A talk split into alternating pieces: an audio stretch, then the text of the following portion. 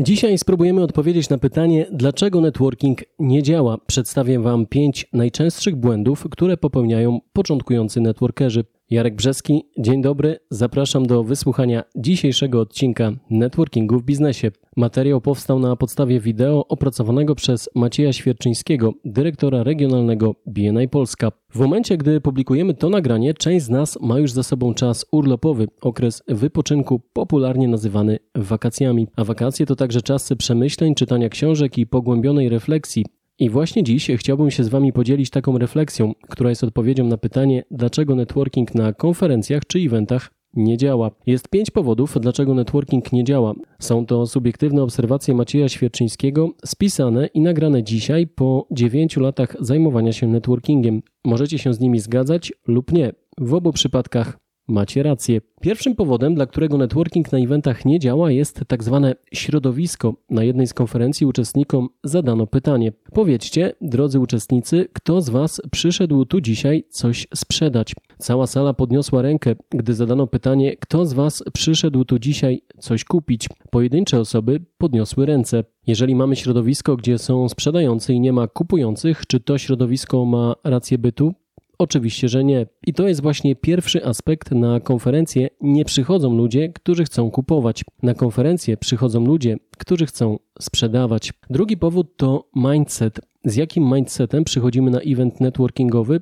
Podobnym jak w pierwszym punkcie, przychodzimy, żeby sprzedać. I to jest nasz błąd, bo networking to nie sprzedaż. Networking to budowanie relacji, wymiana kontaktów, budowanie zaufania. Musimy więc zmienić nastawienie, z jakim uczestniczymy w konferencji. Powinniśmy przychodzić nie po to, aby coś sprzedać, ale po to, żeby kogoś lepiej poznać i zbudować z nim trwałą relację, dzięki czemu ta osoba wskutek marketingu rekomendacji poleci nas dalej. Trzecia rzecz, która jest bardzo trudna dla nas, ludzi, a mianowicie każdy z nas chce mówić. Tak, taka jest prawda.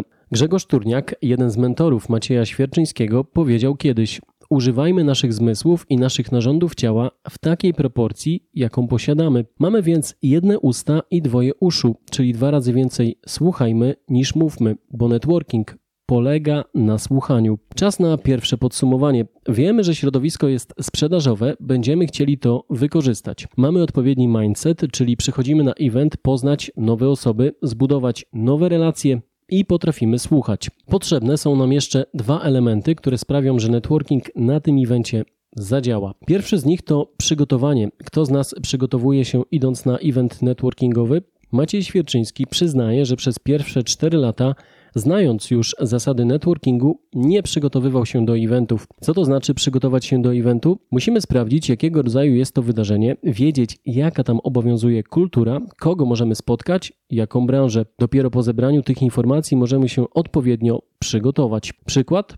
Posiadam firmę, która projektuje strony internetowe. Idę na event, który jest kierowany do ludzi związanych z nieruchomościami. Jeżeli będę opowiadał jakąkolwiek historię i ktoś zapyta, czym się zajmuję, to ta historia będzie traktować o tym, jak pomogłem moim klientom z rynku nieruchomości. To jest pierwszy punkt do przygotowania, ale muszę też zastanowić się, ile osób chciałbym poznać. W końcu doba ma 24 godziny, a poznać to jeszcze nie wszystko. Trzeba jeszcze utrzymać i zbudować relacje, więc musimy mieć na nią czas. Należy określić, ile osób chcemy poznać i z jakim zaangażowaniem będziemy pielęgnować tę nową relację. Do tego będzie nam potrzebna zasada 24 7 30, o której opowiem w jednym z kolejnych odcinków. Punkt piąty. Ludzie przychodzą z takim, można powiedzieć, trochę zacięciem. Innymi słowy, chodzi o przygotowanie własnego zachowania. Co mam na myśli? Przygotowuję pytania, które zadaję nowo poznanym osobom.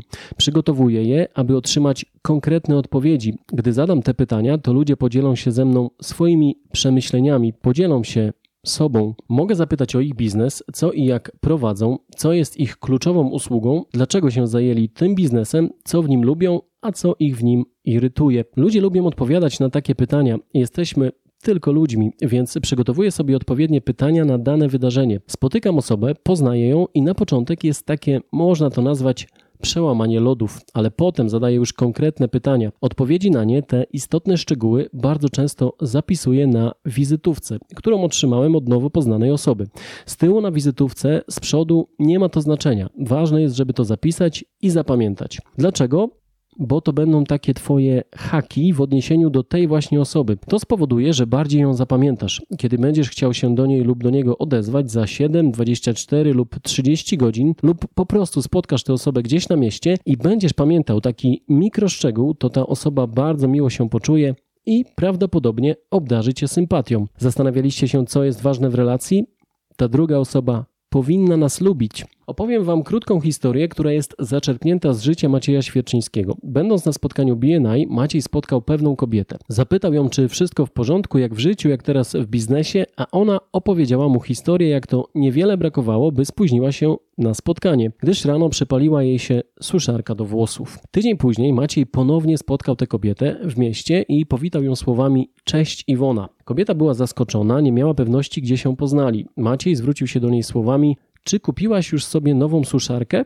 Kobieta ponownie nie potrafiła ukryć zaskoczenia. Jaki wniosek płynie z tej historii? Za każdym razem, kiedy Iwona i Maciej spotkają się ponownie, kobieta uprzejmie się uśmiecha i wita go słowami: Cześć Maciej, jak w biznesie. Starajmy się więc sprawić, by ludzie nas zapamiętali. Będzie to jednak możliwe, gdy będziemy zadawać odpowiednie pytania i w pierwszej kolejności to my zapamiętamy daną osobę. Na zakończenie naszego dzisiejszego spotkania jeszcze jedna bardzo ważna uwaga. Po zakończonym wydarzeniu należy go podsumować. Wypiszcie więc jego plusy i minusy oraz zadajcie sobie kilka pytań. Czy warto było iść na ten event, czy poznałem tam kogoś ciekawego? Tym samym, gdy tylko nadarzy się okazja, aby wziąć udział w podobnym wydarzeniu, będziecie wiedzieć, czy warto się na nie wybrać. Tyle na teraz. Dziękuję za tych kilka wspólnych minut. Jednocześnie przypominam, że dzisiejszy odcinek jest dostępny w całości również w formie wideo na platformie YouTube. Wystarczy, że wpiszecie networking w biznesie. Powodzenia i do usłyszenia za tydzień.